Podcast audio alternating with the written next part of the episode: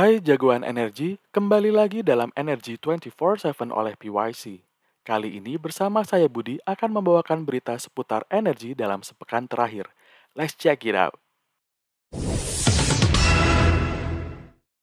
Berita yang pertama dari harga komoditas energi.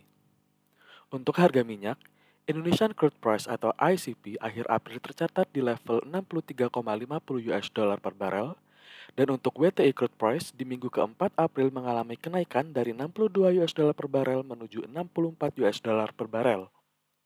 Dan untuk harga batu bara, HBA bulan April ini sedikit mengalami kenaikan dari bulan lalu menjadi 86,68 US dollar per ton. Dan untuk Newcastle Coal Price minggu ini mengalami kenaikan dari 85 US dollar per ton menjadi 89 US dollar per ton.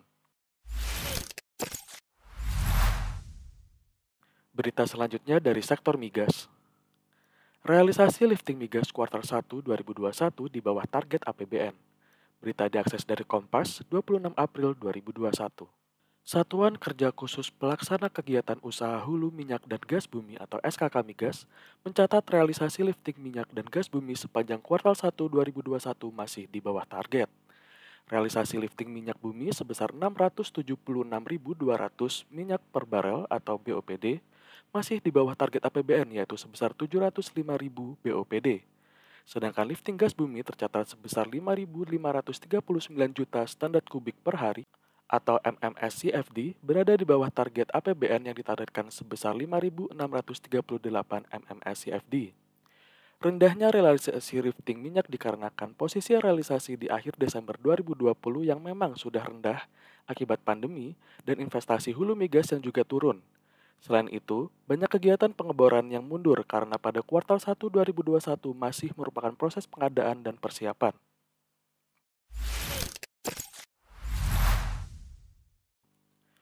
Berita selanjutnya, sempat mundur. Akhirnya proyek gas Marrakesh kini beroperasi. Berita diakses dari CNBC Indonesia 28 April 2021. Proyek pengembangan gas lapangan Marrakesh di wilayah kerja atau Blok East Pinggan yang dioperasikan East Pinggan Ltd mulai beroperasi per hari Rabu 28 April 2021. Proyek yang menelan investasi sebesar 1,3 miliar US dollar atau sekitar 18,8 triliun rupiah di Selat Makassar ini mulanya ditargetkan beroperasi pada kuartal 3 2020. Namun karena terdampak pandemi COVID-19, maka jadwal operasinya pun mundur.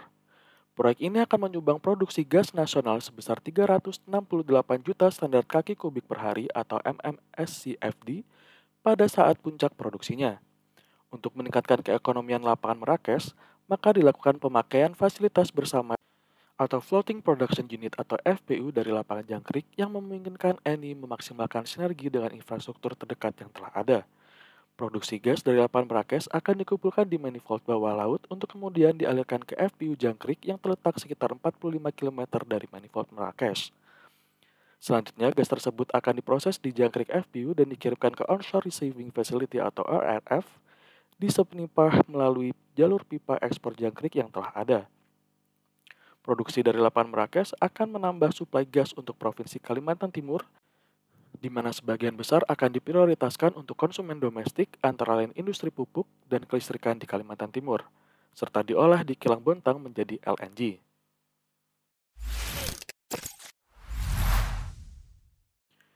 Berita selanjutnya dari sektor energi baru terbarukan. Perpres EBT diluncurkan awal Mei. Berita diakses dari Kontan 26 April 2021. Kementerian Energi dan Sumber Daya Mineral atau ESDM menyebut peraturan presiden atau Perpres tentang tarif pembelian tenaga listrik yang bersumber dari energi baru terbarukan atau EBT akan terbit awal Mei 2021. Direktur Jenderal Energi Baru Terbarukan dan Konservasi Energi Kementerian ESDM, Dadan Kusdiana, mengatakan Perpres tentang tarif EBT akan terbit bersama dengan peluncuran rencana usaha penyediaan tenaga listrik atau RUPTL 2021-2030. Perpres ini akan mengatur harga jual listrik EBT dengan mekanisme feed-in tariff atau FIT, harga patokan tertinggi atau HPT, dan harga negosiasi. Selain itu, Bilit EBT akan mengatur dukungan dari kementerian dan lembaga terkait seperti Kemenku yang mengatur tentang insentif. Harga PLTS dengan skema feed-in tarif yang baru akan berkisar antara 8,5 hingga 10,15 sen US dollar per kWh bergantung kepada kapasitas.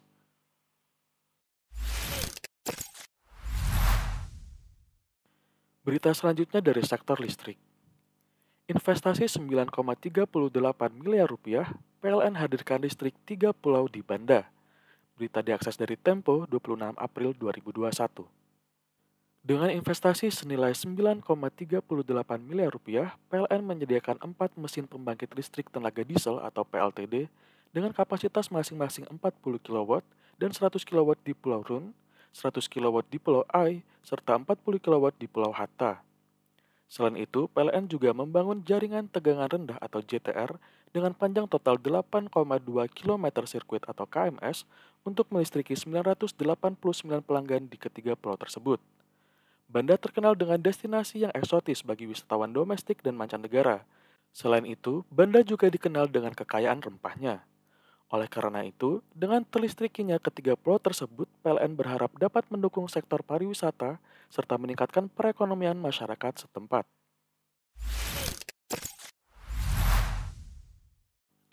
Berita selanjutnya dari sektor minerba.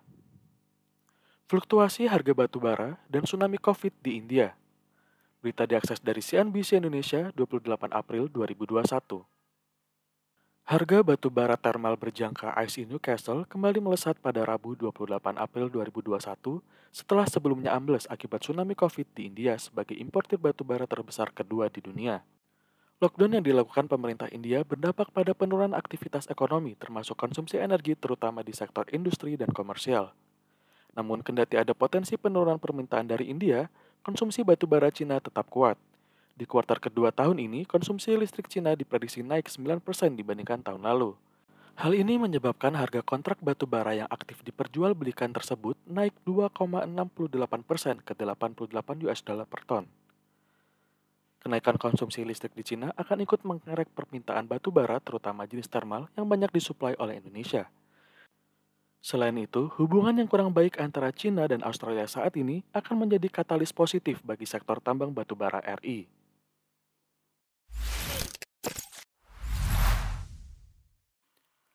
Sekian Energi 24/7 untuk minggu ini. Jangan lupa subscribe seluruh akun sosial media PYC. Have a nice weekend and see you next week.